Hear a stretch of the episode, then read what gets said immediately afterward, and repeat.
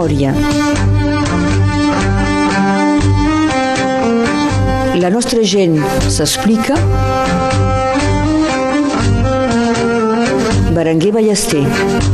Soc a Arles per fer memòria amb una amiga i col·lega de fa molts anys. És que vam treballar junts en aquesta ràdio. És una dona escriptora, poeta i narradora, és etnòloga, actriu, recitadora, activista pel país i per la llengua i la cultura, és molt del Vallespí, tot i que va néixer i créixer al Maresme, i ja veureu que és i ha fet moltes altres coses. Maite Marcons, bon dia. Bon dia. I gràcies d'acollir-me a casa teua Sí. i d'haver acceptat fer memòria. Estem, és un poc abans d'arribar a Arles, no? Que Sí, és la casa? Rodona. Rodona. És un barri d'Arles, sí. D'acord. Doncs tu vas treballar a Radio Arrels, que era als començaments, eh, anys 80, i també Sí, un, un sí. poc 90, no? Eh, sí, sí, fins al 92. Com que treballava per, com es diu, per contractes Sí. espaiats, saps? Sí. Doncs eh, feia que... Entre una cosa i una altra, sí, uns 10 anys. D'acord. Entre anant i venint, eh? Perquè, clar, vull dir, fèiem altres coses al mateix temps. És que la Maite ha sigut molt així, eh? Anar i venir, eh? Ja ho anirem veient, eh? Recordes què feies aquí a la ràdio? Vas fer... Eh, sí, vaig Va, començar... de tot, amb- vaja, perquè tothom feia de tot. Feia de tot. Sí, Sí, i, m- i encara, i, i em sap greu que s'hagin perdut coses, perquè és clar, com que eh, fèiem, eh, treballàvem amb els casets encara, Sí. no? I anàvem esborrant Sí, i els anàvem aprofitant. clar. Això fa que hem perdut una quantitat de material i tant, impressionant. i tant. Però bé, érem així, sí. no s'hi pot fer res. Que vaig, vaig començar llegint en Pere Caldés, els contes, Ah, a Canus, entre les vinyes. entre les vinyes, sí. Sí. Van ser bons aquells anys per tu? A- Sí. A la ràdio? Sí, eh? Sí, a la ràdio No va diguis ser... que no, eh? De totes maneres no ho podria dir perquè sempre ho he dit. Sí. Va ser a l'època on va, eh, vaig treballar més amb acord amb mi mateixa. D'acord. La ràdio era, per mi va ser tota una descoberta d'un món impressionant ja d'aquí, de Catalunya Sí. Nord, i després una, una per poder no sé, una, per l'expressió, no? Vull dir, Sí. allò que dius. Realment em, eh, era jo. M'agradava moltíssim la ràdio, sí. I això que dius tu, és veritat que la ràdio permetia conèixer molta gent Sí. i entrar a molts ambients diferents, eh? Sí, i Sí, sí. conèixer moltes coses, i Sí, la sí. literatura, Clar. i tot, perquè jo quan vaig arribar aquí no sabia res de Catalunya Nord. Doncs el fet de la ràdio vaig anar aprenent, aprenent, Sí. i després, després vaig dir ara entro a la universitat per aprofundir, no? Ja hi arribarem aquí, Sí, perquè parlem de tu, sí, una sud catalana que un dia va venir aquí al nord i s'hi va quedar, tot i que també has tornat algun cop o un, Sí. a temporades cap a, cap a Catalunya Sud. Parlarem també dels teus llibres de poesia, de recerca etnològica sobre la medicina tradicional i popular a Catalunya Nord. Parlarem de teatre, moltes coses, no? sí, moltes coses. Maite Barcons o Maria Teresa Barcons, com vulguis. Sí, de naixement Maria Teresa Barcons. Tu neixes eh, a un poble de la costa sud catalana, a Pineda de Mar, Sí, que he vist que està a uns 50 quilòmetres al nord de Barcelona. sí, Eh? a prop. Neixes al 56. De família obrera, Sí, què feien el, el teu pare i la teva mare? A veure, eh, el meu pare i la meva mare varen acabar, diguem d'una certa manera, eh, treballant després de la guerra a l'industrial aragonès, la fàbrica de l'avi de l'actual president. D'acord. Uh, Pere Sí. Aragonès Sí, uh, prové de Pineda? sí, és de Pineda, D'acord. i eh, tenien eh, la meva mare i, eh, i l'avi, Sí. eh, tenien les feixes a un, al costat uns... Eh, Josep, Maria. I després ell ja va entrar dins el món de la, del tèxtil, sí. I eh, jo conec més el pare del actual president perquè és més de la meva generació. Clar. Perquè el, el, És jovenet el Pere jovenet, el Aragonès, Pere. eh? I bé, ens coneixem de, de que el poble era petit Clar. i tothom es coneixia tothom. Ah, He vist que en el, en el temps de la teva adolescència a Pineda té 3.700 habitants. Sí, sí. I ara en té 28.000. Sí. Ha creixut. Ha creixet. El teu pare va ser El meu pare... un home polític, no? Va fer sí. política. El meu pare doncs, havia anat al seminari, era el que havien sí. escollit per anar al seminari, doncs eh, era un home de lletres, eh, eh, feien política, feien cultura al poble, doncs Sí. sí. les peces de l'Àngel Guimarà, tot això, veus, ja no em ve de res, a mi també. Sí. I, eh, i varen, doncs, eh, eren aquell grup eh, que més tard doncs, van haver de marxar amb en Serri Moret. Ell no va marxar. Ell... Vols dir el 39, Sí, però retirada. Sí, el meu oncle. S'havien implicat eh, S'havien políticament. implicat clar. eh, políticament, sí, sí. El meu pare havia estat intendent de l'Armada Republicana i eh, a casa teníem aquella manta negra que es veu a la maternitat suïssa, no? Ah, sí? Eh, sí, sí, perquè havia estat perdut a les guilleries. Ah. doncs era algú que havien ja també eh, fet la unificació del Partit Socialista del Maresme, Sí. era una persona implicada. Si eren implicats els meus oncles tots, el de França també, en Sí. Quico, el pare de la Maria Barcons. I rebrem també Sí, el Quico. Eh? Sí. Has parlat de Serra i Moret, va ser una personalitat política sí, important en el socialisme català, sí, que es va exiliar el 39 també Exactament. i va passar per aquí, per Perpinyà. sí, la Sara Llorenç, la seva dona, que va Sí. escriure poesia, Sí. eh, que estava més malaltisa, i, que, i ella està enterrada a Perpinyà, la Sara Llorenç, sí. Maite neixes al 56, doncs, ja ho he dit, a Pineda. Pineda, als anys eh, 50 i 60, és un poble de pagesos i pescaires, no? Sí, sí, ben bé, a la part de la meva mare, Sí. sí. el meu avi era pagès, i viuen de la pagesia, eh? I tu recordes eh, pescaires a Pineda? Sí, sí, Gent que va a la pesca? i tant, i amics del meu germà que encara Sí. hi anaven del, del que té 3 anys més gran que jo, Sí. vull dir, i anàvem a jugar a les barques i els veiem. Sí. Sí. Jo les ganes de marxar ja em ve d'aquella època. Ah, sí? Jo quan veia les barques jo ja me n'anava. Sí, sí, és impressionant, però aquell, això de ser allà a vora mar Sí. i de veure i després de tot el turisme que arriba, als Ah, anys 60. Sí. I la gran transformació és als Oh! anys 60? Ostres, sí, aquí Sí, comença la clar. gran transformació, hotels, Turisme estranger o turisme... Eh, Estranger, estranger, català. anglesos, francesos... Sí. eh, Jo tenia amics francesos que venien de vacances en el meu carrer. A Maite Barcons, tu tens eh, 19 anys quan al 75 mort el dictador Franco, és a dir que la teva joventut l'has passat en ple franquisme. Sí, tot. Quin record tens del franquisme? Com el vas viure tu? Jo el vaig viure molt tibat perquè érem amb, amb el panorama polític del meu pare i dels meus oncles exiliats i de la meva tia, que la meva tia, la germana de la meva mare, també va ser exiliada, durant, ella durant molts anys, no va tornar durant molts anys perquè el seu home era anarquista, doncs eh, quan venien els meus oncles de França en Quico, amb Sí. la meva cosina que eren petites i que jugàvem i així, i més grans, doncs hi havia grans discussions polítiques a casa sempre, saps? Però esclar, fora hi havia el silenci. Sí. Doncs el meu pare em va patir molt perquè abans de... Ho sabíem que eh, érem la part roja del poble Sí. i eh, això va fer patir molt a la meva mare, que també ho eren, evidentment. La meva mare va ajudar a sortir de la presó el meu pare, per exemple. El meu pare va fer un any de presó.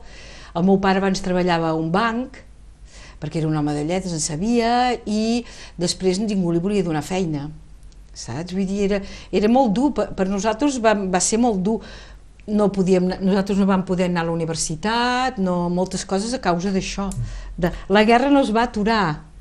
No, Amb- evidentment. Eh? Sí. Ja he dit, Ma, Maite Barcons, que ets escriptora, ho comentarem després, eh, perquè hi ha tot de llibres Sí, que has publicat sí, sí. i que han estat premiats en alguns casos. Escriure ja comença en aquell moment?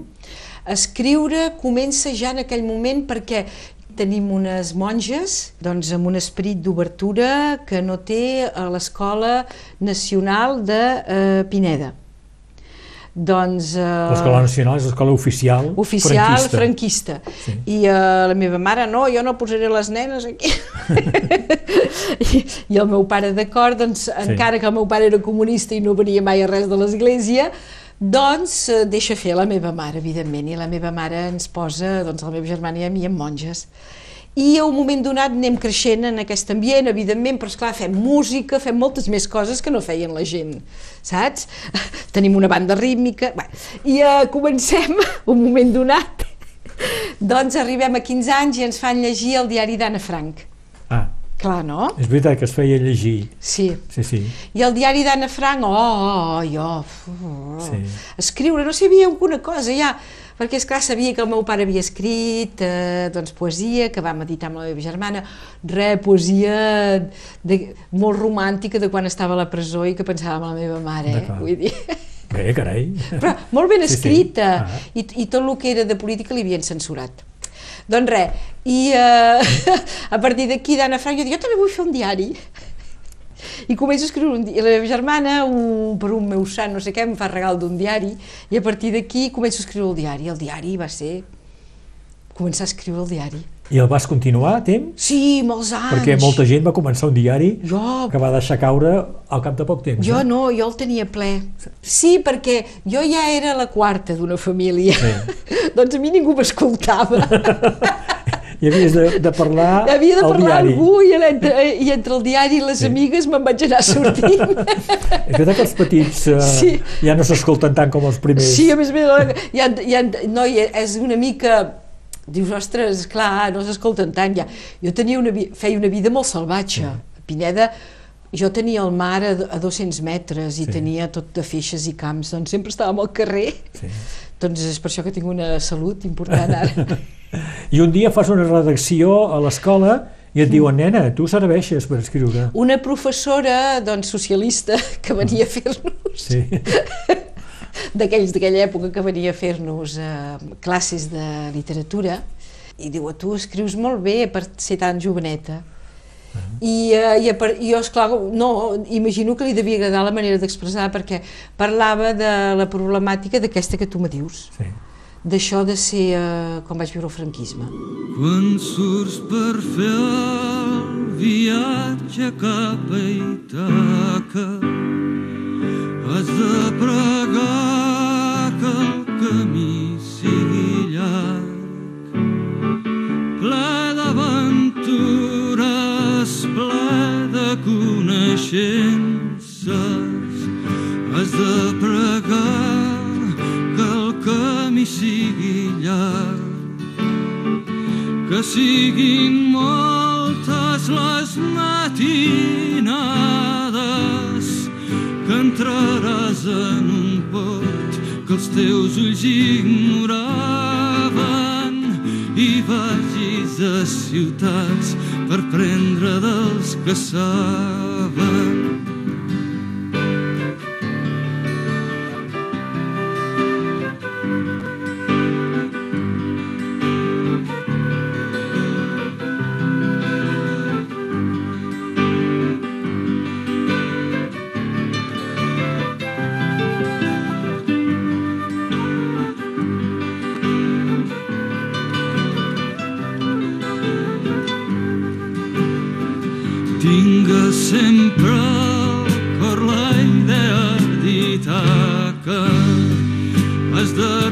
d'arribar i és el teu destí.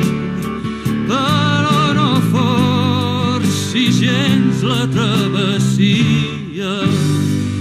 És preferible que duri molts anys que siguis vell quan fundegis l'illa, ric de tot el fent el camí, sense esperar que et dongui més riqueses.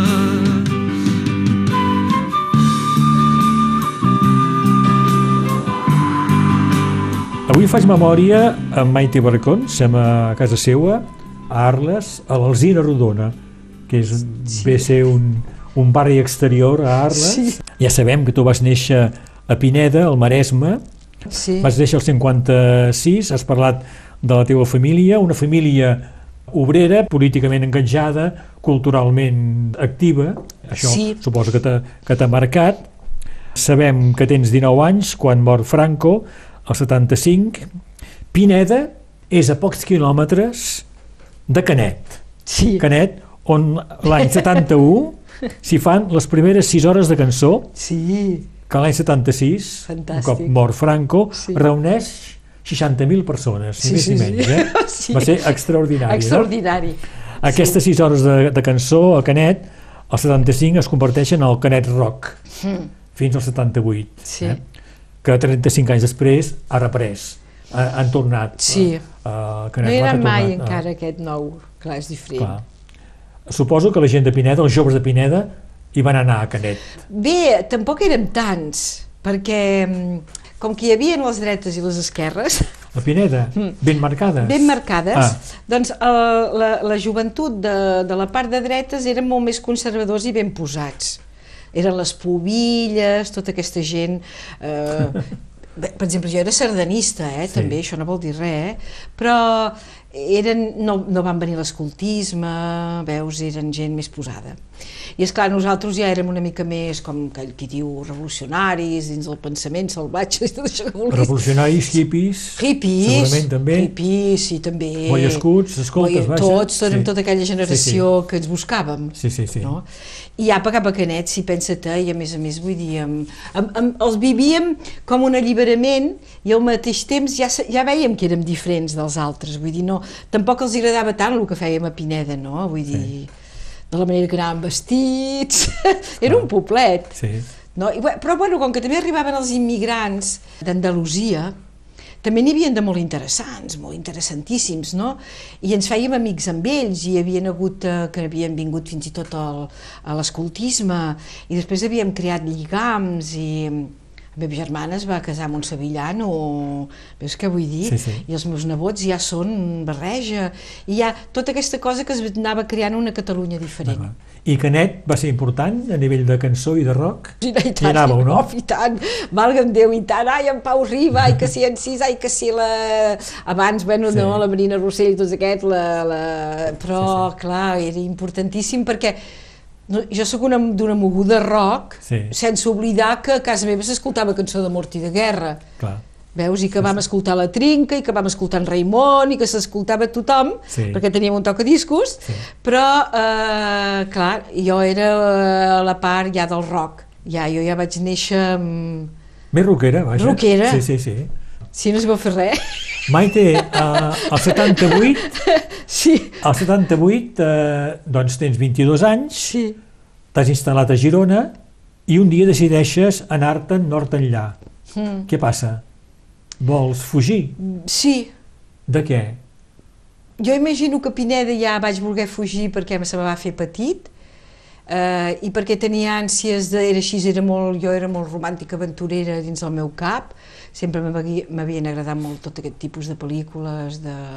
no sé, aquella ànsia, a més a més la família de França Perquè tenies clar, la família uns de França oncles, un oncle que s'havia exiliat al 39. Sí, i la tia Manosca, la tia. Josefina Sí.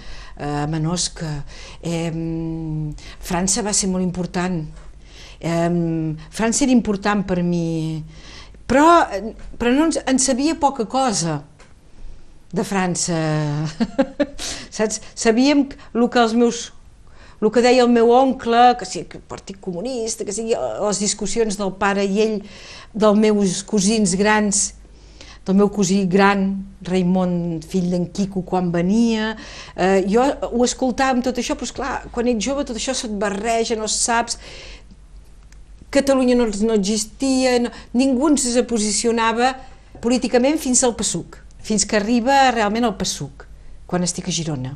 Entres al PSUC? Entro en el PSUC, la meva germana també, amb tota aquella gent, tots els sindicalistes... El, el PSUC és el Partit Comunista d'aquell moment, eh? Sí, Partit amb els Català. sindicalistes també, Sí. tota aquella gent fent reunions, eh, D'acord. aquí comença la, començo a llegir diaris, Sí. perquè és clar tot això, Pi- Pineda ens eh, ofegava dins una, un benestar, a l'estiu turisme, viva la Pepa, saps, que si surts, que sigui al mar, I al 78, com deia, decideixes anar-te'n i vens a Bages, on tens els teus oncles. Ve amb la meva cosina, ens eh, muntem... cosina és la Maria Maria Barcons. que estem totes... Ella havia vingut a fer, eh, com es diu, nosaltres ara ho diríem, a fer incursions, i va, i va venir a treballar a Calella, perquè ella també sempre, el sud, ella és la de, de tots els quatre germans, fa com jo, som les petites, ella era la que, Pineda, Pineda, Pineda, Pineda, el pare Pineda, el pare Pineda, i també cap a, cap a Pineda hi ve treballant al restaurant d'un cosí de Calella, i ens, ens anem, ja de grans, això és grans, Sí. i ens anem fent amigues i totes dues amb els ideals i tot això. I, eh, i a veure si vols venir eh, jo faig bremes i, i com que ja també ja m'estava cansant de l'època de, de Girona i eh, jo dic jo, jo quan puc me'n vaig cap a França, i sí, sí. I vas a, a Bages, La meva cosina me diu, hi ha bremes? Dic, vinc, si els teus pares volen, vinc, i marxo. I aquí Sí. creo un gran revolvori a casa, perquè la meva mare se, se va, es va espantar molt, perquè, clar, va tornar a reviure tota la moguda del 39, quan el meu oncle va marxar. perquè el teu oncle, el Quico, Clar, és que era... es va exiliar el 39, La va meva passar pel camp d'Argelers, Sí, la meva tia, la teva la tia meva, també. meva tia, 40 anys sense tornar. Sí.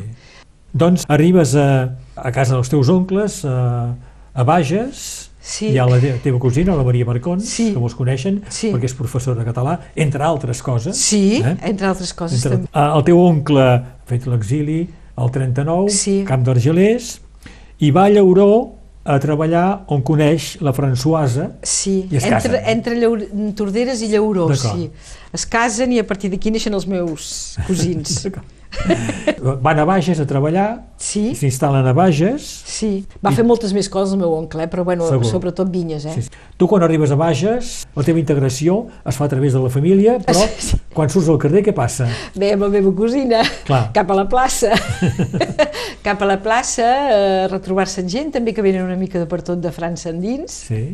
I, uh, i després la gent d'aquí, les, les amigues d'aquí, la Regina Costa, uh, que érem les més amigues, no? Sí. I, mm, I després més tard va arribar la, la Cristina Giné, també, veus? Ah, I, eh, i, vaig, i conec en Joan Pau Giné, coneixes? sí, perquè havien fet l'ullada just Sí. abans, quan jo acabava d'arribar, no sé què, aquell festival. I sí, sí, conec en Joan Pau Giné, anem amb la meva cosina, però esclar, jo era joveneta, i en Joan Pau ja era més gran. Sí, sí, en aquella taula llarguíssima que tenien a casa, amb aquell barba i tot això. I, I què et semblaven les cançons del Joan Pau Giné? a mi m'agradava, jo sempre m'ha agradat molt, saps, Sí. sí. tot el que és música. El que passa és que no hi ha una, no hi, hi ha una real integració a través del català, però, mm, clar, perquè també, no sé com te dic, hi ha la part francesa, hi ha la part de les noies algerianes, que, que també estan en revolta i que es fan franceses. Jo realment entro en un poble rossellonès amb tot el que podia ser a l'època. Vull dir, no és només la catalanitat. Vaig d'un costat a l'altre i eh, veig moltes maneres diferents de viure. Començo a entrar dins la història. Barcons. però molt divertit, eh, tot això, perquè molts de balls, de poble Clar. i molt divertit. Parla-me, diguis-me coses amb aquesta llenga rosa que arrossega pel carrers. Diguis-me coses boniques, diguis-me coses ben dites, sense pensar en res més. Parla-me, diguis-me coses amb aquesta llenga boja que s'apert en caminets. Diguis-me que la setmana, quan s'acaba, nos enganya, igual que la fi del mes. I pot ser, pot ser, me faràs content per estimar que el tenir temps Mart retirada a la fi de la jornada tornem ser a tots solets Diguis-me coses boniques, diguis-me coses ben dites per demà els ser refets. Cada dia una cadena te se posa a l'esquena com vols fer per fer projets. Diguis-me el que se passa amb la llenga de casa, la que escola te'n de fes. I pot ser, pot ser, me faràs content per estimar que el tenir temps ganes de fer coses i a la plaça te reposes, ho sabes pas més on ets. Diguis-me coses boniques, diguis-me coses ben dites, caminem prou de través. Parla-me, diguis-me coses amb aquesta llenga rosa que fa vergonya el burgès. Diguis-me que la parola de sus del foc de l'història ten el tap que em pot pas més. I pot ser, pot ser, me faràs content per estimar el tenir temps. Memòria a Ràdio Arrels, amb Berenguer Ballester. Maite Barcons, has vingut a viure a Bages, a casa dels teus oncles, hi ha la teva cosina, la Maria Barcons, coneixes la gent de Bages, mm. entre altres, si ho has explicat, en Joan Pau Giné, als anys 80 ja ho has dit, treballes a Ràdio Arrels... Sí. Abans de, de tot això, amb la Sí. meva cosina agafem un pis totes dues a, Ah. El, ai, a Perpinyà. I aquí comença una altra vida. Aquesta vida és important. Uh, és important perquè uh, un moment donat veiem la realitat, uh, uh, la droga arriba a Perpinyà. És per això que el fet de ser roquer és important en aquesta època, perquè aquí aprenem moltes coses. Aquí hi ha, una, hi ha, la, hi ha la sida també que comença a fer estralls eh, i la droga. Doncs eh, jo passo d'un món de poble a un món de ciutat i no m'agrada. M'hi quedo un any i jo eh, me'n torno cap als pobles. Però bueno, A és on- un any a o on de dos... Perpinyà vau anar a viure? Bé, A quin barri? eh, al barri de l'Anciana Comedia, darrere de la plaça Rigau. I, I, bueno, aquí és un món, veig un món difícil i, i me'n torno a poble. A Bages, Eh, no, a Elna. a, a Elna. Perquè és en aquest precís moment quan estic a Perpinyà que en Gilbert, que era doncs, del grup Pirena, també que feien coses al grup Pirena, El teu home. si el que va esdevenir el meu home, eh, me segueix i té una moto i, i marxem de ciutat i tots dos som molt més natura i més Sí. ja vista ecològica, som més així, no? Sí. I doncs ja marxem de, de Perpinyà, però Perpinyà va ser un abans i després de Perpinyà, també D'acord. van passar moltíssimes coses. I doncs a partir d'aquí sí, després ja, com dius tu, Ràdio Arrels, eh? sí. Després ja tornar als pobles... Sí. Al mateix temps de Ràdio Arrels, voldria que em parlessis d'un grup de teatre, el grup de teatre de joves de Catalunya Nord, Sí, que als anys 80, 86 m'has dit, eh? sí, Hi ha gent que tothom coneix en el món cultural i polític català, com són l'Eva Bertrana, en Pedric Llenes, Mm. la Montserrat Sitjà, en Josep Rodríguez... sí. Feu L'Enric. Vilanova... L'Enric també feia teatre? Sí, l'Enric Vilanova també formava part. Eh, T'ensenyaré després les fotos Sí. de la primera de la primera peça que vam treballar profundament amb en Josep Rodríguez a Tuí, Sí. Eh, perquè va ser un taller duríssim, va ser un taller, perquè en Josep era, era un gran, com te diré, era, era, era un personatge difícil, però era un gran, havia après a fer teatre d'una manera eh, impressionant, vull dir, et feia sortir realment els sentiments i no podies fer les coses a mitges amb ells. Doncs eh, tot el que va ser aquesta peça, que tenim una quantitat de fotos impressionant, Tenia nom aquesta peça? Sí, aquella, eh, era per tu precisament, que et varen dir que hi havia extradició Sí. i que vàrem dir no pot ser, amb l'Eva Bertrana. El fet de ser a, a ràdio, quan va arribar l'Eva Bertrana de París, Sí. eh, li varen dir, eh, li varen dir, aquí te pots posar, i van dir, té, hi ha una noia a la ràdio que es diu Maite, que és eh, també del sud, i així, perquè ella entre París i Barcelona. Sí. I doncs arribem amb l'Eva i ens comencem a... Ens, ella és més jove per això, però bé, eh, ens comencem a fer realment amigues, fem moltes coses i a partir d'aquí diem sí, hem de fer teatre.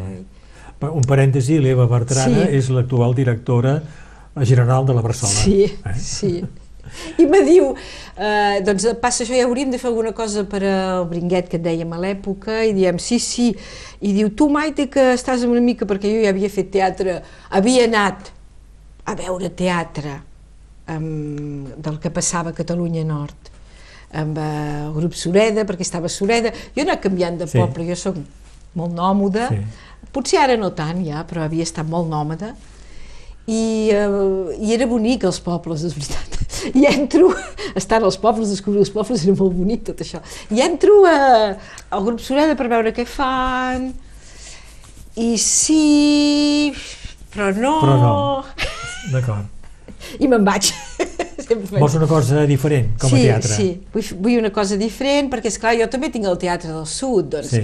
hi havia una efervescència de teatre impressionant, i, i baixava molt, i anava a veure teatre al sud i deia, oh, oh, oh per què no podem fer alguna cosa Sí. una mica més, ja no sortint una mica tant de lo que es No fa. tan tradicional, no? Això, Sí. que no tinc res contra la gent, molt maca la gent Sí, sí, del sí, teatre, eh, evidentment. sempre, sempre he guardat molt bon record, eh. Què estava I, dient? I aquest grup de teatre de joves Sí, eh, es queda només amb aquesta primera obra. comencem aquesta primera obra, jo em dono, em dono a fons, jo em dono a fons, a fons, a fons. M'ajuda moltíssim a fer sortir coses i perquè és, els tallers eren impressionants, vull dir, un moment donat treballem amb un tub de... perquè la, la, la Eva me diu, l'Eva me diu, tu fes un petit escrit del que voldríem fer dels angelets de la Terra. Jo faig quatre coses. En Josep Rodríguez ho rep. I diu, això no és massa tradicional, però l'idea li agrada. Diu, farem una cosa més mímica. Treballarem la mímica. I jo dic d'acord, i la Eva diu d'acord, i anem, i, començ, i recopilem molta gent, perquè hi ha tanta gent que treballem allà dins que ja no me'n recordo de tots els noms. Sí. Gent d'aquí Catalunya Nord, Sí, també, sí. que un dia o un altre haurem d'acabar trobant els noms. Imagino que entre en Patrick Gif, eh, Llenes, i Llenes. l'Eva i, t- i amb Enric Vilanova ens en recordarem. Tants de joves treballem amb, amb Josep i treballàvem eh, la repressió dels Angelets de la Terra, portada el que era actualment doncs, amb tu eh, l'estat espanyol o l'estat francès. I ens trobem amb, amb un tub, ens fa treballar donar cops amb un tub eh, amb uns ninots que representàvem ser nosaltres i nosaltres som els butxins. Eh, quan fèiem els tallers, en Josep passava pel mig, ens mirava als ulls per veure l'expressió. Era molt fort, Sí. era molt fort.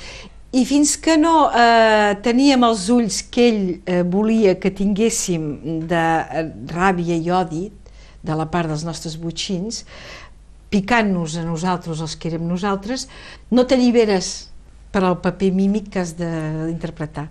Doncs va ser impressionant perquè hi vaig entrar dins i em vaig adonar que, que era entrar dins un personatge. Però m'ho vaig donar a fons, a fons. Va ser, com ho dius tu, una experiència molt forta. Una catarsi total, Sí, a fons, a fons. Això per un grup de teatre de joves de Catalunya Nord 86, l'any 86 i eh? que vam començar a treballar el 85, em penso. Des del 86 al 86, sí. Johnny wanted to run, but the movie kept moving as planned. The boy took Johnny, he pressed him against a locker. He drove it in, he drove it home, he drove it deep in Johnny. The boy disappeared. Johnny fell his started crashing his head against a locker. Started crashing his head against a locker. Started laughing hysterically when suddenly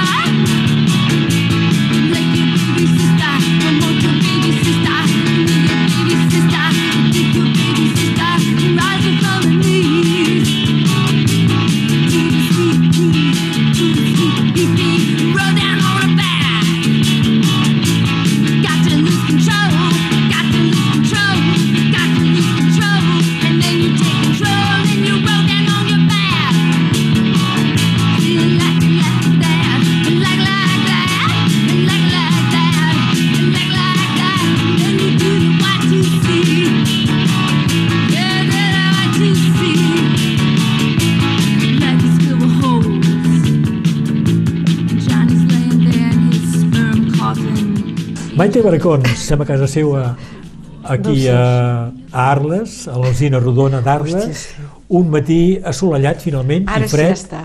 del mes de gener del 2022. Has arribat a Catalunya Nord, a Bages, a Elna, hem parlat de tot això, passes per la Universitat de Perpinyà, on fas la llicenciatura de català. Sí, Has fet els exàmens previs Sí. per poder entrar sí. a la universitat, Mm. Seràs professora de català per adults i com a escriptora comences a publicar poesies a l'Almanar Català del Rosselló i a la revista Senyal. Mm. Guanyes el 95 el Premi de Narració Curta Alfons Mies a la nit de Sant Jordi i el 98 el Premi de Poesia Francesc Català també a la nit de Sant Jordi d'Òmnium Cultural sí. Catalunya Nord. Eh, de fet, no és el Premi Alfons Mies, perquè va ser eh, una altra noia que em penso que es deia Desordre de Passions. Eh, jo no guanyo aquest primer premi, però en Ramon Juncosa llegeix el meu llibre i en Jaume Caral també. I veuen que és, una, que és un llibre raro, que no és ben bé narració, que hi ha, eh, molt, hi ha una mescla de poesia i narració, i eh, en Ramon Juncosa i en Jaume Caral els agrada molt. I eh, aquí creen el Premi Extraordinari Ramon Juncosa especialment per mi. D'acord. Perquè jo no Perquè el coneixia, guanyis, en Ramon, vaja. perquè, perquè guanyi, que jo no Sí, vaig rebre peles, Ah. però vaig rebre l'edició, perquè varen dir, aquest s'ha de publicar. És l'any 2000 que Edicions Trabucaire Sí, publica aquest recull de, de contes i poesia, sí, que està barreja, que dius tu, Sí. ni ofici ni benefici. sí. Complicat. Complicat quan l'escrivia, eh, complicat. A Maite Barcons, a partir del 95, doncs tens eh, 39 anys, Mm. comences un treball sobre el terreny amb entrevistes amb un munt de gent, dones sobretot, Mm. sobre les pràctiques medicinals, populars i tradicionals Mm. que culminarà amb la publicació el 2016 del llibre La medicina tradicional i popular a la Catalunya del Nord que publica Edicions Trabucaire. És una obra Sí. important aquesta per tu.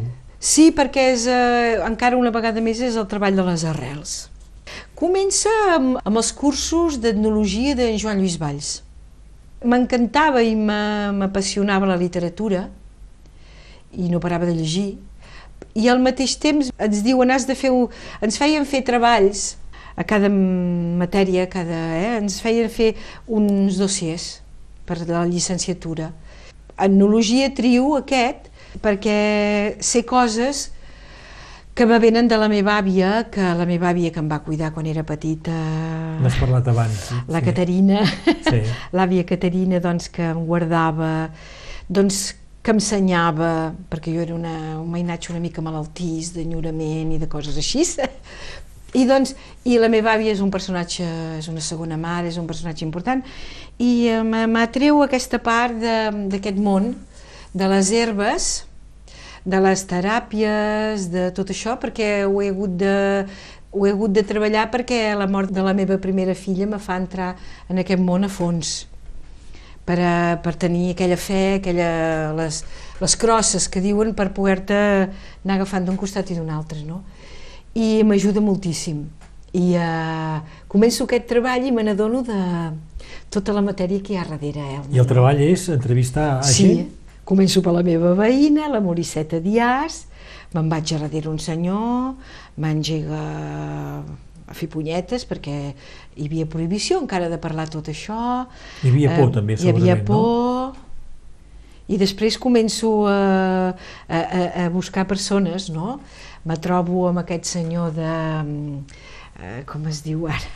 Bueno, ja ho aniré, ja aniré Sí, sí. entrant perquè hi ha molts de personatges, eh? moltes persones interessants i arribo a la conclusió que sí que es pot fer un treball aprofundit d'això un dia o un altre, però les coses són com són, passen moltes coses i el 2002 la meva mare es posa molt malalta i mm, aquí no tinc feina, aquí no tinc res que em lligui, la meva filla se'n va a la universitat, a Montpellier, va arribar en el moment, i jo dic que me començo a entristir, me comença a entrar una melancolia, Sí. una melancolia, i dic que torno al sud, no me va bé res, aquí. Hi ha com un... És que, quelcom que me diu marxa. I un dia me'n vaig a veure una, una metgessa que, molt, molt interessant i li dic és que m'estic entristint, és que no va res bé, és que no...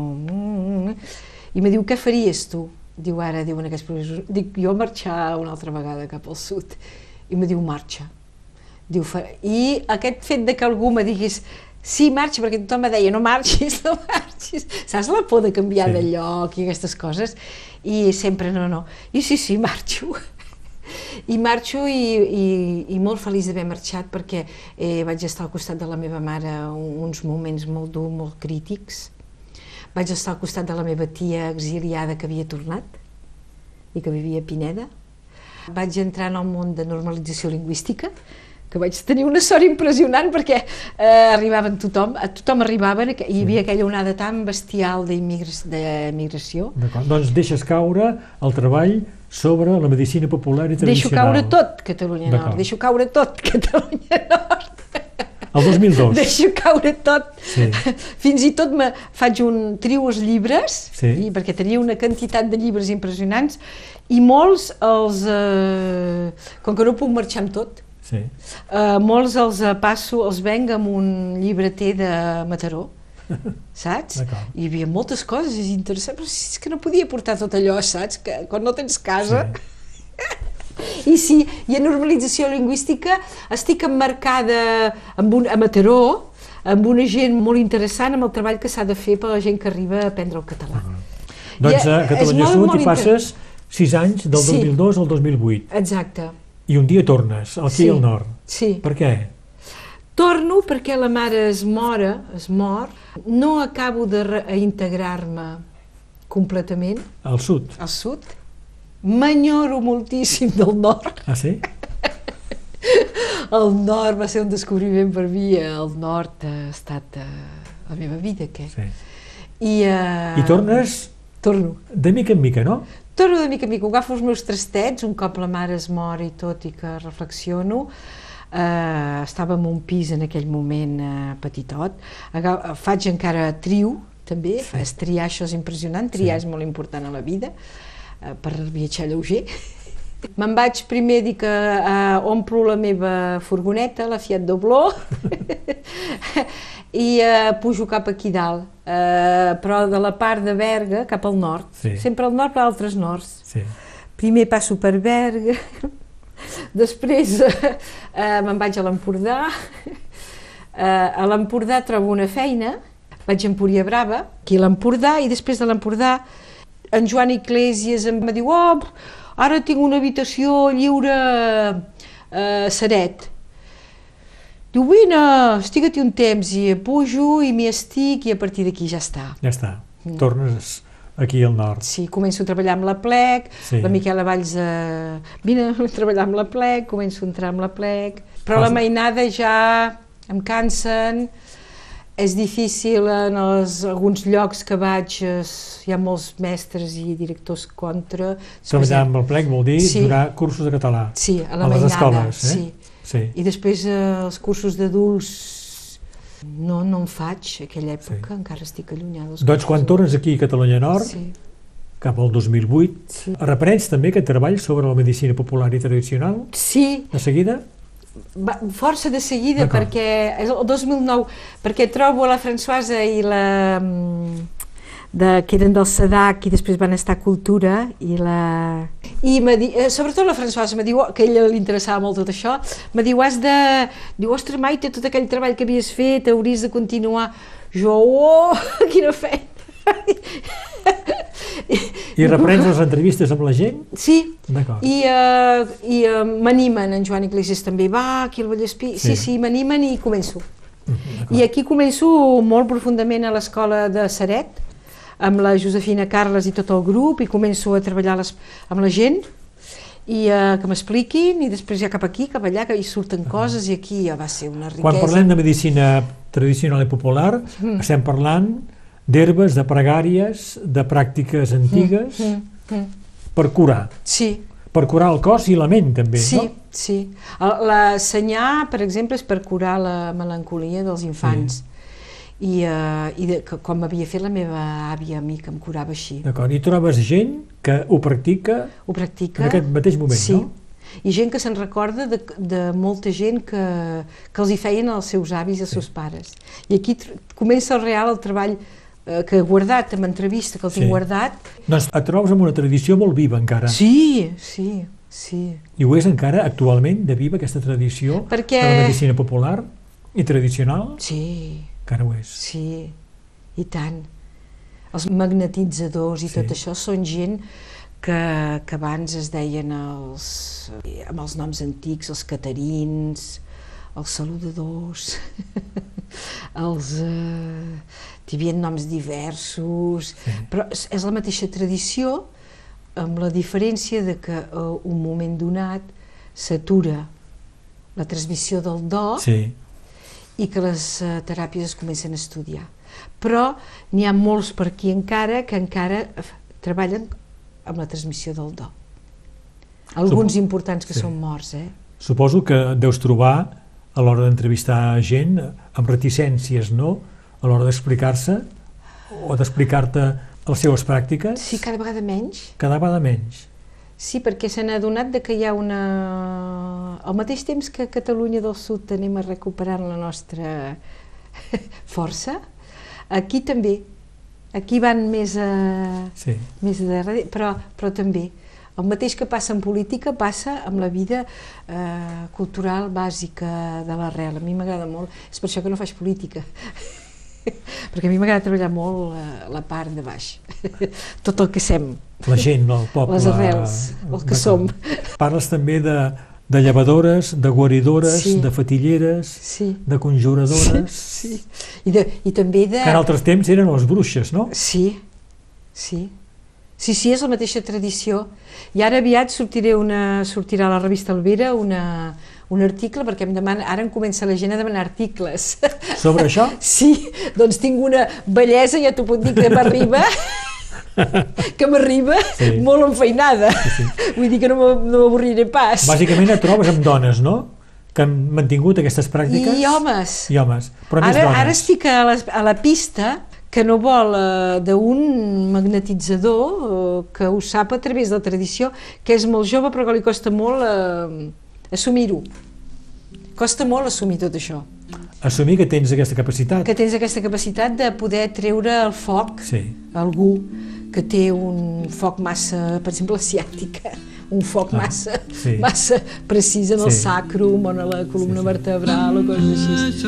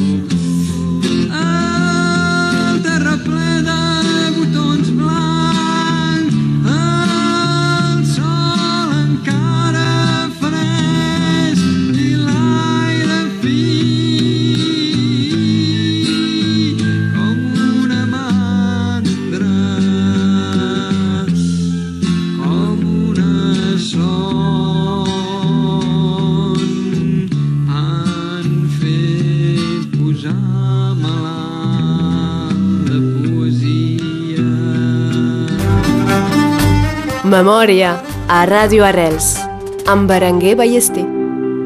Oh, benvinguts, passeu, passeu, de les tristors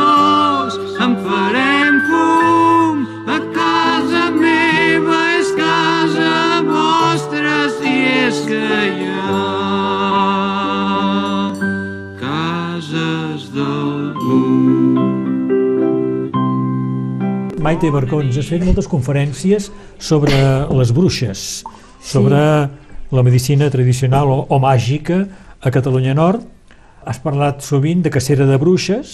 Tot això és autodidàctic, és que jo penso que sóc una gran autodidàctica per mi mateixa, i cosa que m'a- m'apassiona, m'encanta. Eh, m'encanta eh, descobrir.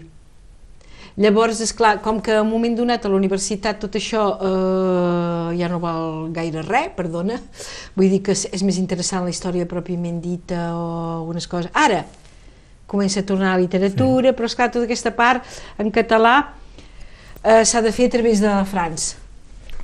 I com que a un moment donat faig els màsters i eh, els màsters m'ajuden a posicionar-me realment amb l'escriptura del llibre, saps? Això sí m'ajuda, de dir-me no ho has de fer així, ho volen tipus universitari, però potser eh, ara ho faria més del... He guardat la meva primera versió i potser que la meva primera versió eh, seria més adient ara que la, eh, la, la que em varen dir de fer a la universitat. Això és important sí. de saber que les universitats no sempre tenen raó. Encara que te puguin ajudar amb una metodologia, Sí. però després hi ha una part que dius, bueno, veus? Deixeu-me fer mi. Deixeu-me fer mi perquè, de fet, si vols estudiar la bruixeria, has d'estudiar tota la bruixeria, evidentment, d'Europa i del món, i doncs bé que hi has d'entrar per, per no cagar-la quan parles, Sí. en una conferència hi has d'entrar. Doncs això és un treball petit a petit que vas fent a poc a poc, que vas fent a casa teva. Catalunya Nord va ser un lloc de, Sí. intens de bruixeria, Sí, no? sí, sí, de bruixes. Sí, sí, molt intens. Eh, Hi, havia, hi ha coses que havien quedat aïllades, oblidades, que, com el fet aquest de, que només he pogut esmentar en el llibre de, de Sí. primer aquest de, de bruixeria que és el que és eh, la gran cacera de bruixes amb en, Llorenç, amb en Llorenç Carmell i, eh, i els notaris de l'època, Estem parlant del segle XVII, més, Sí, més menys, no? sí, Sí. sí, sí, a l'època d'en Lluís aquest eh, 14 després va ser terrible. Sí, i que arriba fins aquí dalt i aquí és la... Jo em penso que aquí és l'autèntica destrucció ja, eh, després del 1659. Tot el que va abans i després és que tot va lligat. Però esclar, te, has d'anar-te assabentant de la història, evidentment, de l'època, però del que t'has d'assabentar més és del que, del que tu has d'anar parlant quan fas conferències. Suposo que aquest és un tema que interessa molt a la gent, no? Que li parlin de la tradició de les bruixes. De fet, fins i tot els estrangers que venen aquí amb cura, els interessa. Interessa, interessa els catalans d'aquí, a la gent d'aquí, eh, però interessa també eh, l'última que vaig fer, eh, vaig tenir 40 persones, una passejada només per parlar de les guaricions màgiques, vull dir que, que ja havien treballat evidentment l'Helena Abril, la Nicola Roura, que havien treballat altres, eh? Vull dir, la, hi ha ple de gent de per aquí, dalt també. que- Vull dir que és un, és un treball constant. Però bé, Vols dir que podries eh, continuar aquest treball és que no paro. i que això voldria dir un dia o altre fer una segona edició Podria d'aquest llibre més podria complet? ser. Me demana la traducció, del, la traducció del primer, però potser estaria més bé fer realment un segon llibre em, per mi mateixa, pel que, eh, sense que hagués de, eh, sense que sigui un treball universitari, sinó una exposició de vida de la gent d'aquí, veus què vull dir? Sí. Quelcom de més... Eh, Amb el testimoniatge de la Exacte, gent. d'haver anat arribant a un punt de dir bé el patiment que hi havia aquí, no? Eh, el fet de la soli- solidaritat eh, de, dels pocs metges, tot això ha estat estudiat en el meu primer llibre, però d'aquell d'aquella cultura que, ui, que, que, que es va morint. Eh, No sé si has vist Maite Barcons, que ara el Parlament de Catalunya ha de debatre un dia d'aquests, em Sí, sembla, esclar. una mena de, de disculpa oficial cap a les bruixes per la cacera que es va fer de bruixes tan Sí, intensa moltes tant al nord com al sud, eh? I això ha durat molts anys, eh? perquè entre les llevadores, Sí. l'Efises d'Ange, això, això és que és una, és una persecució a la dona que ens ve in secula seculorum i que... Vull dir que encara n'estem pagant les conseqüències, no? Vull dir, de fet, és així, és que vols que t'hi digui, això no s'hi pot fer res més. No érem bruixes, com va dit la, la revista Sàpies, érem dones. Dones que practicaven... Dones que practicaven la supervivència, la supervivència, Sí. vull dir, res més. I després, és clar, evidentment que les... A veure, els metges, ai, eh, els rics, els nostres reis, Alfons el Magnànim, per exemple, eh, tenien les seves, les seves bruixes particulars, però que eren metgeses, que feien intervencions eh, quirúrgiques i tot. Vull dir que hi havia, la, eh, com dirà la, la Fons Romeu, hi havia la, la màgia docta dels rics i després el poble que podies, eh, després més tard, Sí. el, el poble que, la, que França, per exemple, els reis francesos no, varen perseguir a fons. I això és un... I és clar, aquí, aquestes dones, si eren al poble, a qui ajudaven? A la gent del seu poble. Clar. I van És- ser les perseguides, aquestes. Aquestes sí, és terrible. Has fet conferències i passejades Sí. sobre les dones d'aigua, Sí. les encantades. Sí, És un treball que, que fas actualment, aquest encara. És que ara és a través de les llegendes. Ara estic amb llegendes. És tot el mateix treball, de fet.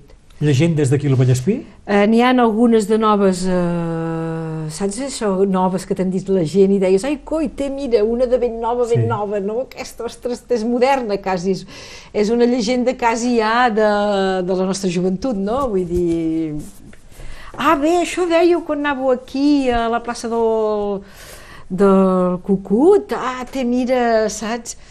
I després les, les llegendes, quan els compares amb la història i amb la persecució històrica, doncs veus que tenen un font de realitat. Ara això jo no sé mai si ho podré fer d'un llibre tan així, però... T'has embrancat amb coses que, que no sé si acabaré. no? Sí, no ho sé si ho acabaré, és que no ho sé, eh? no te puc dir, jo no vull eh, dir res perquè me dic, potser que també tinc ganes de viure. Saps allò de dir, deixar-se anar una mica Sí, la sí. vida, però mira, tu també estàs fent els dos. Tu també treballes encara. Sí, sí, encara. I em penso que no pararàs fins a la mort, Ja veurem. com De jo. ser- però després dius, saps, tinc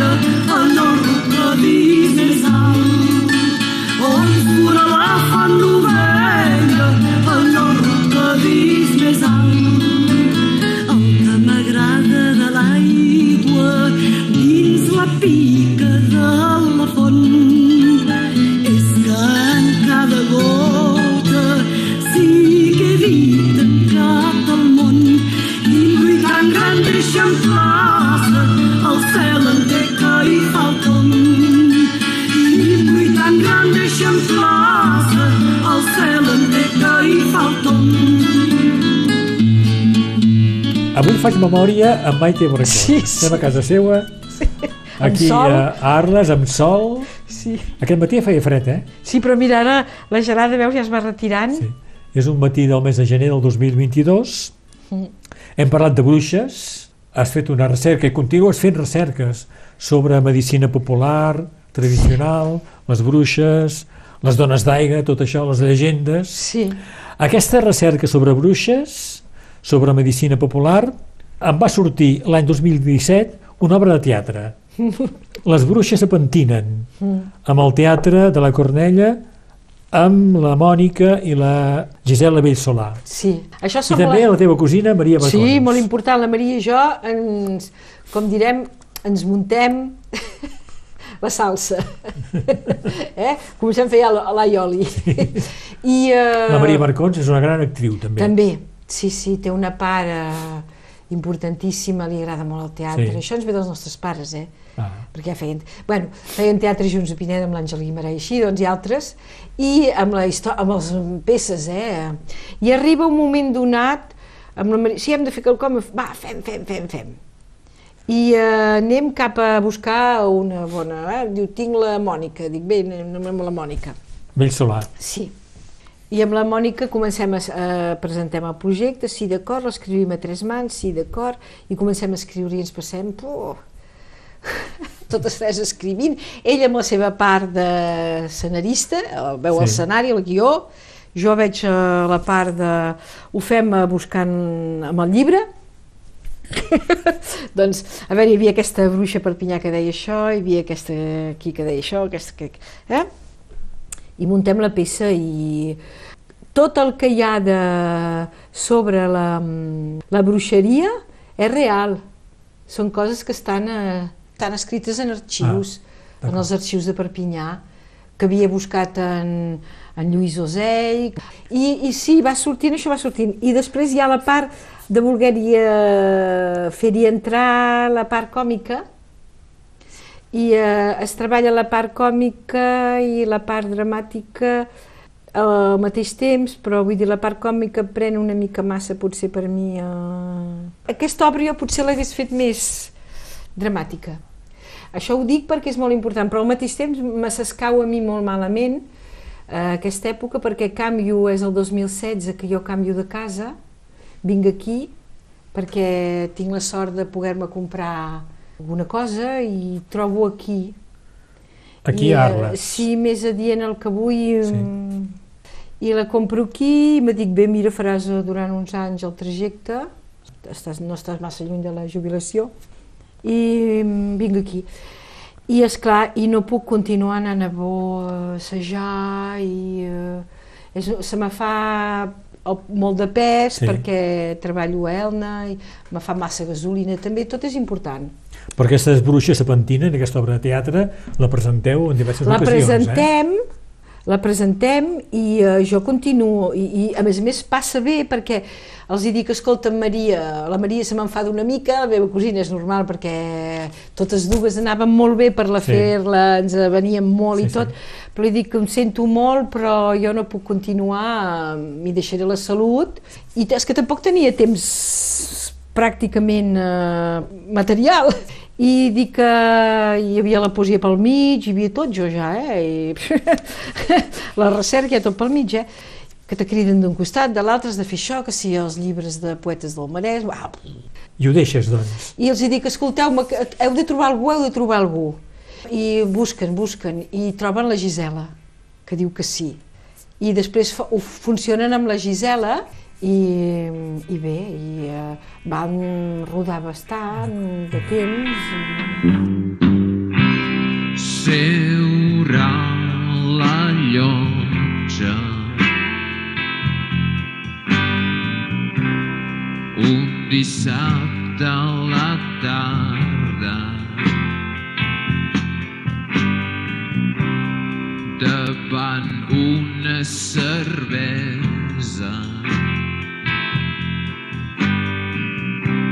llurca la gent que passa la primavera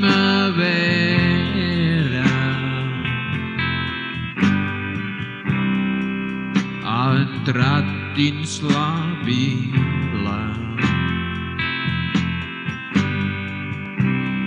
Despullant les minyones.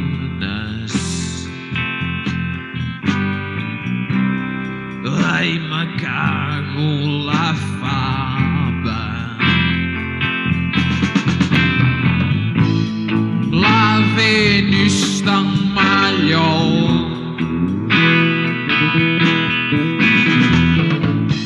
Té ganes de marxar.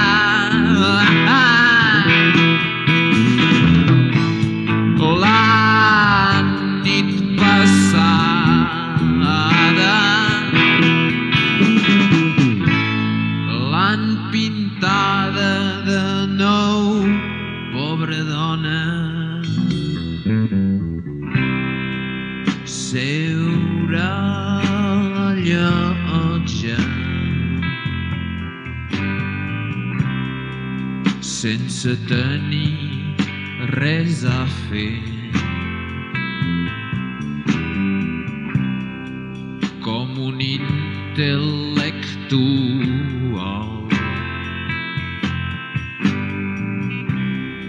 O un músic de rock.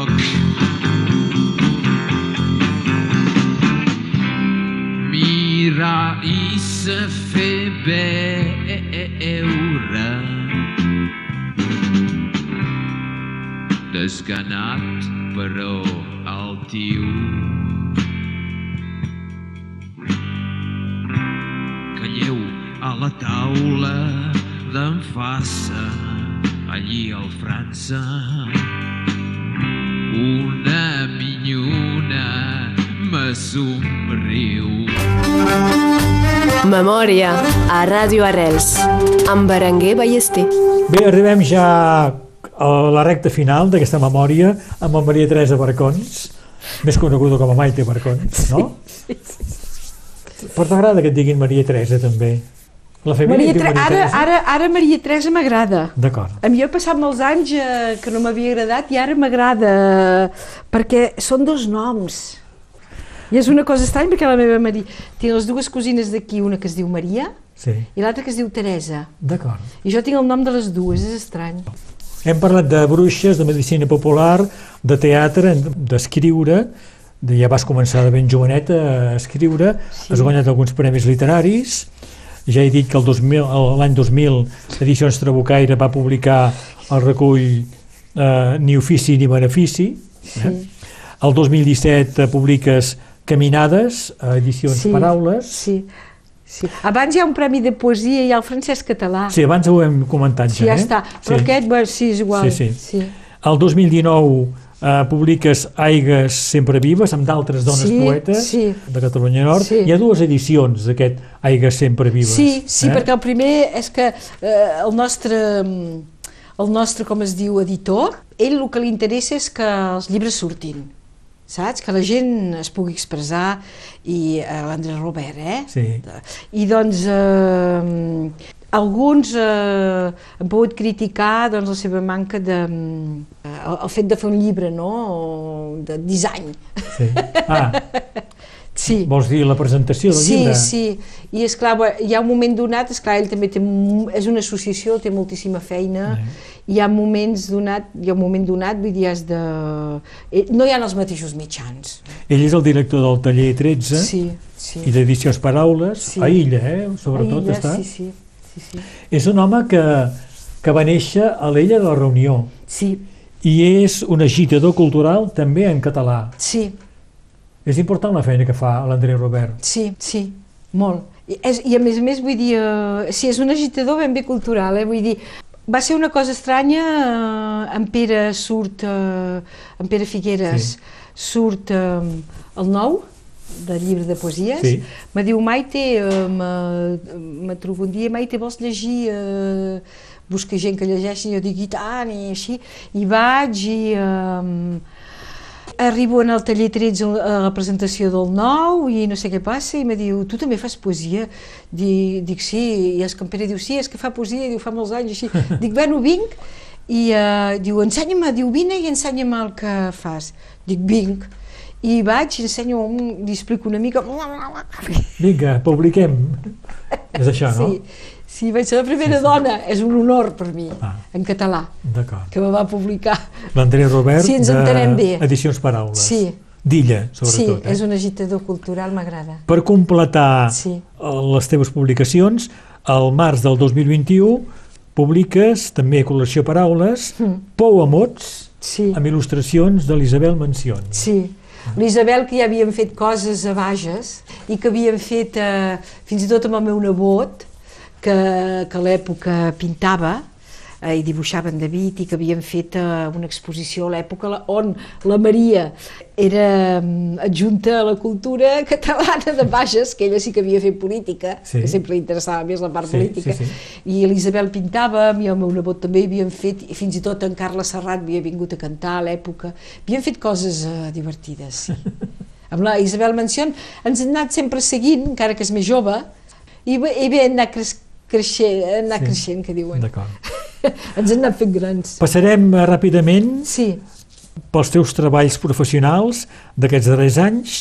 El Sí. 2012 entres a l'Ajuntament d'Elna, sí, aquí t'ocupes... 2011, 2011, 2011. sí. Eh, de- T'ocupes de la maternitat d'Elna, del claustre, Sí, del Museu Tarrús. Eh? traduccions i, i també eh, fer visites, eh? també Sí. fer visites. Eh? Al mateix temps necessitaven persones que entressin a, a fer visites i persones que poguessin fer traduccions i coses així.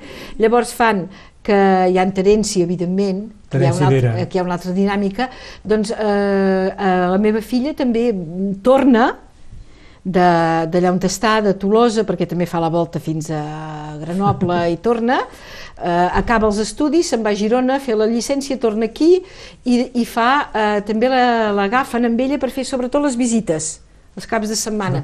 Doncs la, eh, arribem totes dues en un moment donat que ens, eh, ens necessiten. I jo faia la part més de traducció i així. Veto aquí. I això s'acaba quan hi ha un canvi al capdavant de la municipalitat. Sí, Tu entres amb el Garcia sí.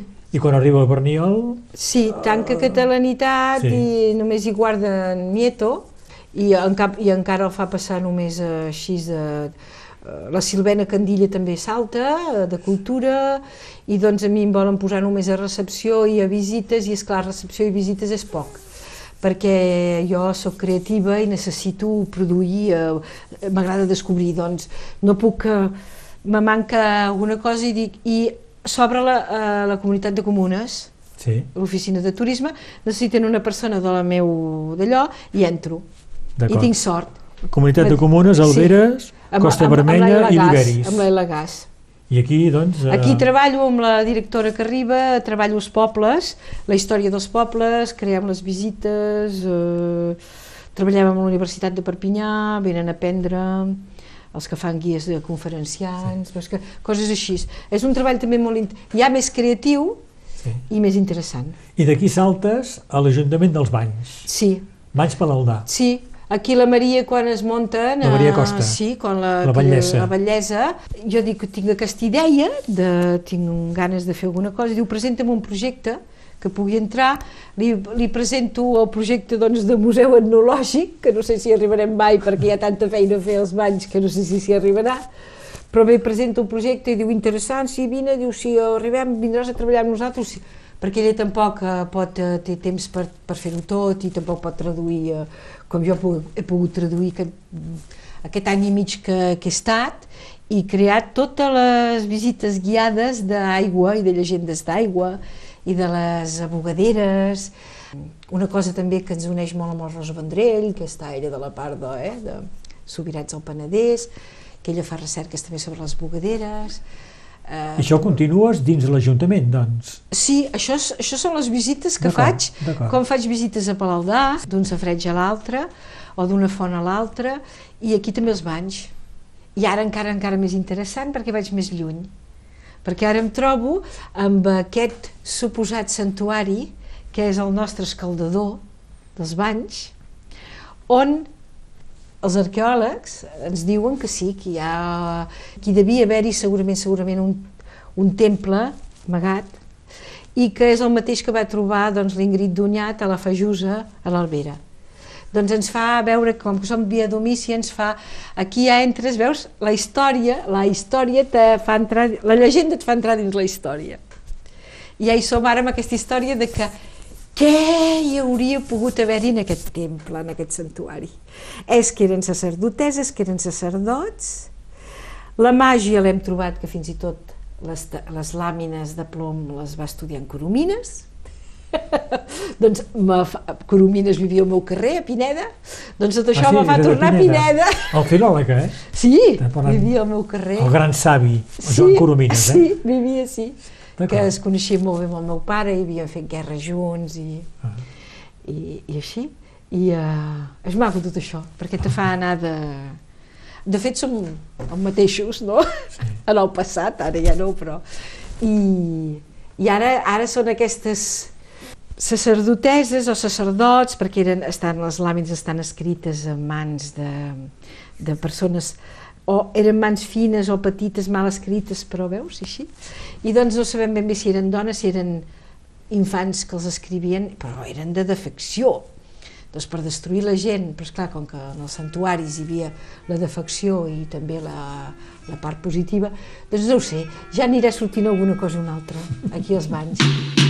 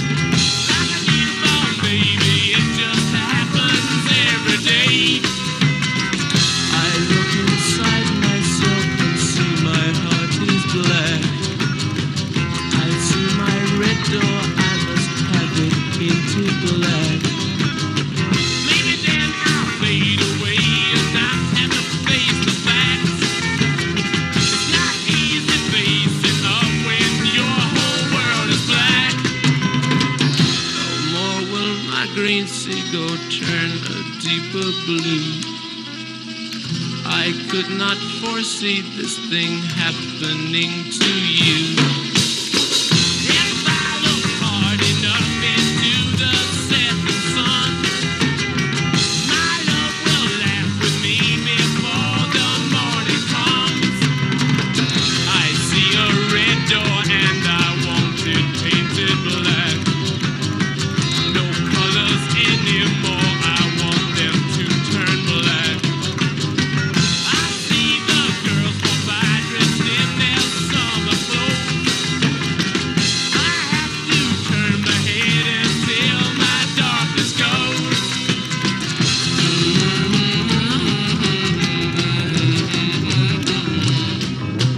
Abans d'acabar, Maite sí. Barcons, Sí.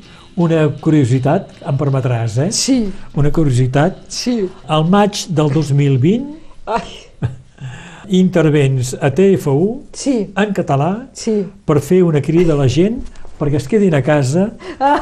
És el primer confinament. Sí, sí. Home, Què va és- passar aquí? Sí, aquesta història de quedar-se a casa, que ens Sí. feien quedar tots a casa i només... que ara jo no m'hi quedava pas massa perquè m'anava a passejar per aquí les muntanyes. Sí. doncs, um, sí, una crida de dir... Diuen que és una crida per quedar-se a casa, però més, més aviat és una crida per passejar-se a la natura. T'ho van demanar que intervinguessis en català? Sí, sí, va ser... Ai, ara no sé qui és que me va trucar exactament, que me va dir no trobem ningú, no hi ha ningú que vol fer no sé què. No sé si és la casa de la Generalitat o aquí. I La entro... cosa és que algú va, algú va va dir la trucar, Maite pot fer això. La Maite això ho sabrà fer. I jo, jo com que són coses que per passar-m'ho bé eh, No et costa tu, això? no em costa. Sí. I vaig dir, ho faig. I vaig dir, dona'ls una, una mica de natura en aquesta pobra gent, Sí. no?, que s'estan tancats a les viles dins d'apartaments minúsculs. On prend son attestation pour sortir, on vous le dit régulièrement dans ce 13 heures à la maison, dans toutes les langues régionales avec Michel Isard. Euh, c'est un message en langue catalane qui nous vient aujourd'hui de la vallée du Tech dans les Pyrénées-Orientales avec la bonne humeur de Maïté Barcons. On l'écoute. Quedeu-vos a casa, bona gent. Uh, però, quan fa un bon temps assolellat, salliu, sortiu a passejar-vos al costat del riu. El tec baixa majestuós en aquests moments, una preciositat. I a més a més us farà ventilar, respirar a fons. Tot això per vos donar un somriure que us farà passar aquest mal pas confinat. Penseu també que a un quilòmetre de casa i una hora de caminada és la salut per la vida. Merci Maïté pour ce beau message. C'est vrai que prendre l'air, de temps en temps, ça ne peut faire que du bien, mais en faisant attention, bien évidemment. Bé, arribem ara sí a la fi d'aquesta memòria Sí, sí. amb Maite Barcons, Sí. un matí del mes de gener del 2022. T'he demanat músiques, músiques també per acompanyar eh, aquesta missió, i la primera cosa, m'has demanat una, una obra musical de Lluís Llach que parla de viatges. Itaca, Sí, quan surts que- per fer el viatge cap a Itaca, És que el llac era inspirador per nosaltres. Eh, quan eres que- jove. Quan eren joves. Els que teníem un esprit aventurer de descobrir que havíem de trobar coses que després saps que els, perquè les has trobat, no? Vull dir, venir aquí va ser trobar-me amb, amb, amb les meves arrels, de fet, Sí. no? Doncs, eh, sí, llac eh, va ser inspirador. D'acord, Ens coneixíem totes les seves cançons de memòria, eh? i tant. Ens els coneixem. Ara ja hem perdut molt, però els cantem a mitges, però... Sí. I Pau Riba va ser també important, no? Sí, perquè Pau Riba és la part més anàrquica, més de... I, molt més creativa, a nivell poètic i sí, molt més creativa. molt més creativa. Sí. Doncs eh, és el que t'obre també aquest espai de dir doncs si ells ho van fer, jo, jo també, no? I, sí, sí. i després...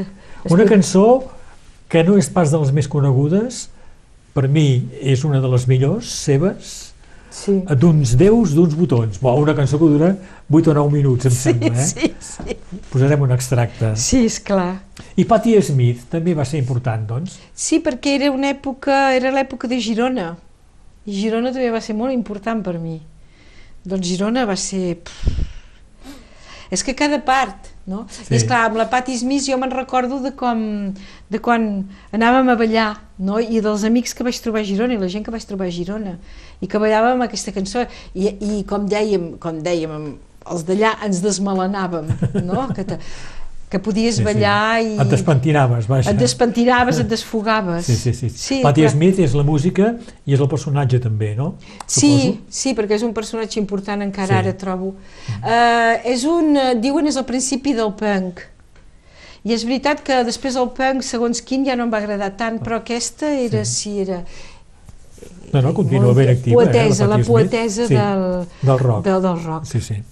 I els Rollins també van ser importants. Els Rollins era la nostra generació de ballar, no? Vull dir, eh, eh, com dèiem, ballar sols. Es va passar de ballar Sí, acompanyat sí. a ballar sols, que també hi van haver-hi potser per tu els Beatles, no? Tu Sí, vas ser més jo Beatles. jo soc més Beatles. Clar, tu, tens, tu ets 10 anys com el meu germà, éreu Sí. més Beatles, jazz, Sí, el meu germà sí, és sí, com sí. tu. Sí. I la Teresa Rebull també t'ha agradat. És, També la vols que, que soni en aquesta missió. Sí, perquè el que m'agrada de l'aigua és també Cerdanya, és, eh, Sí. és l'aigua, és, eh, és una magnífica versió de l'aigua, de la, poet, de la Sí. poesia de, Jordi Pere Cerdà. de Jordi Pere Cerdà. També, També m'has demanat eh, aquelles musicacions de poemes de Salvat Papasseit, Clar. Arquer d'amor. Sí. I ara te podria demanar potser el darrer que ha fet en Pere Figueres sobre la Simona Gai, eh? Sí. Perquè la Simona Gai també ha estat una època important per mi, eh?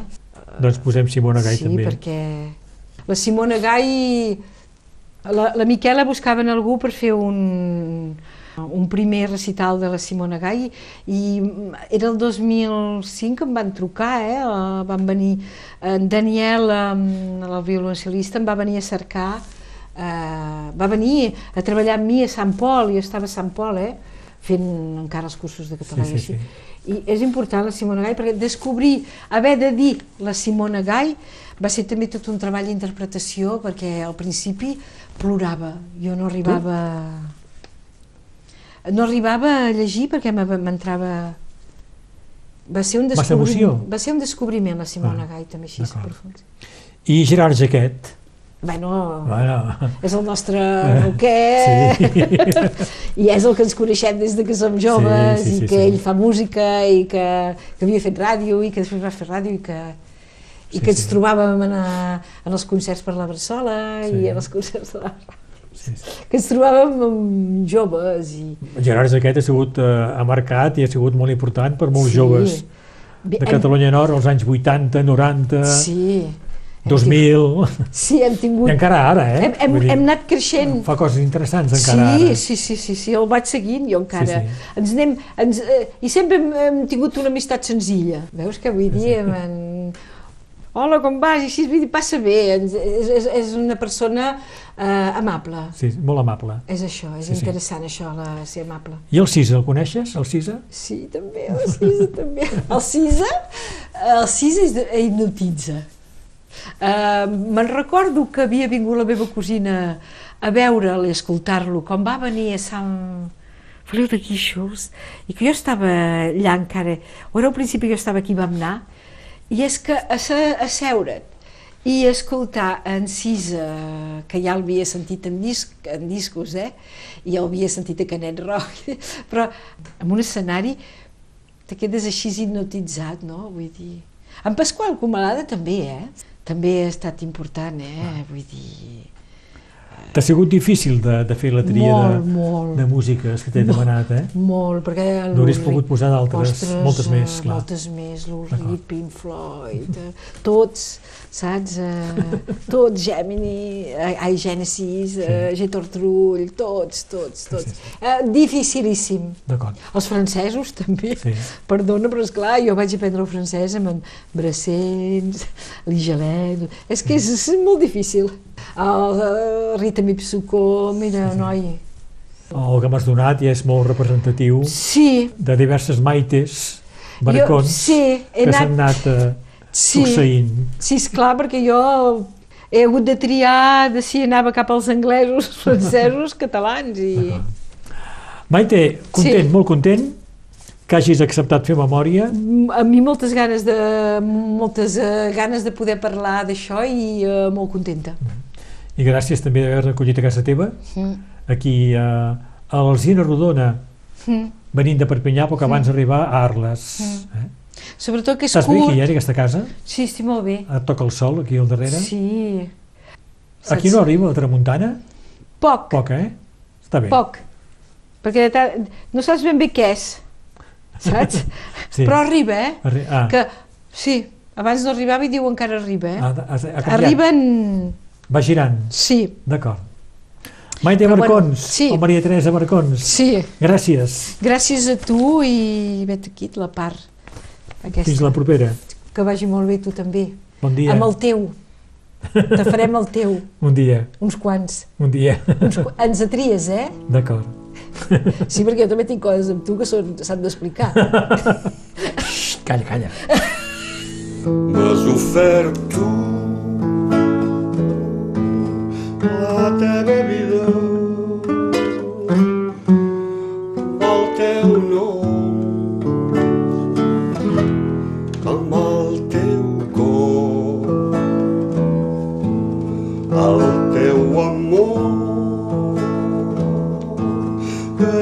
sense mida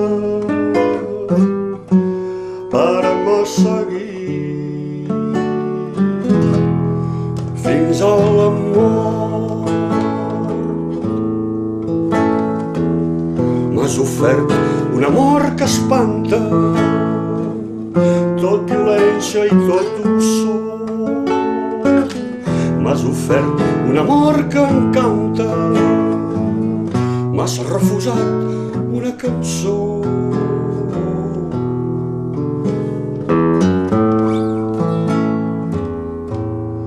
Aquesta cançó que m'agrada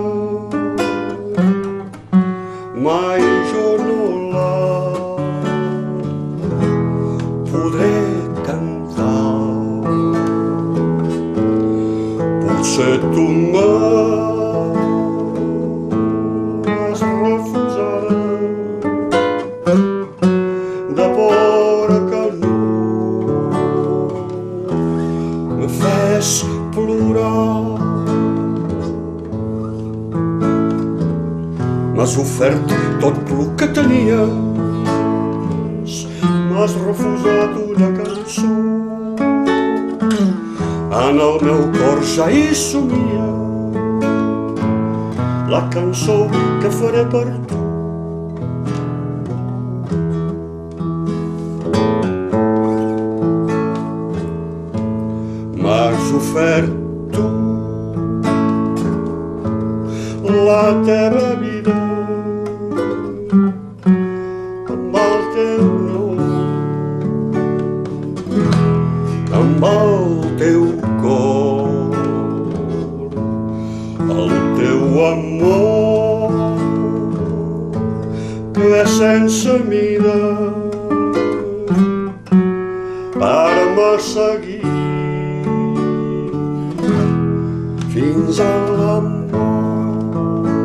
Figueres, amb la musicació del poema Simona Gai, M'has refusat una cançó.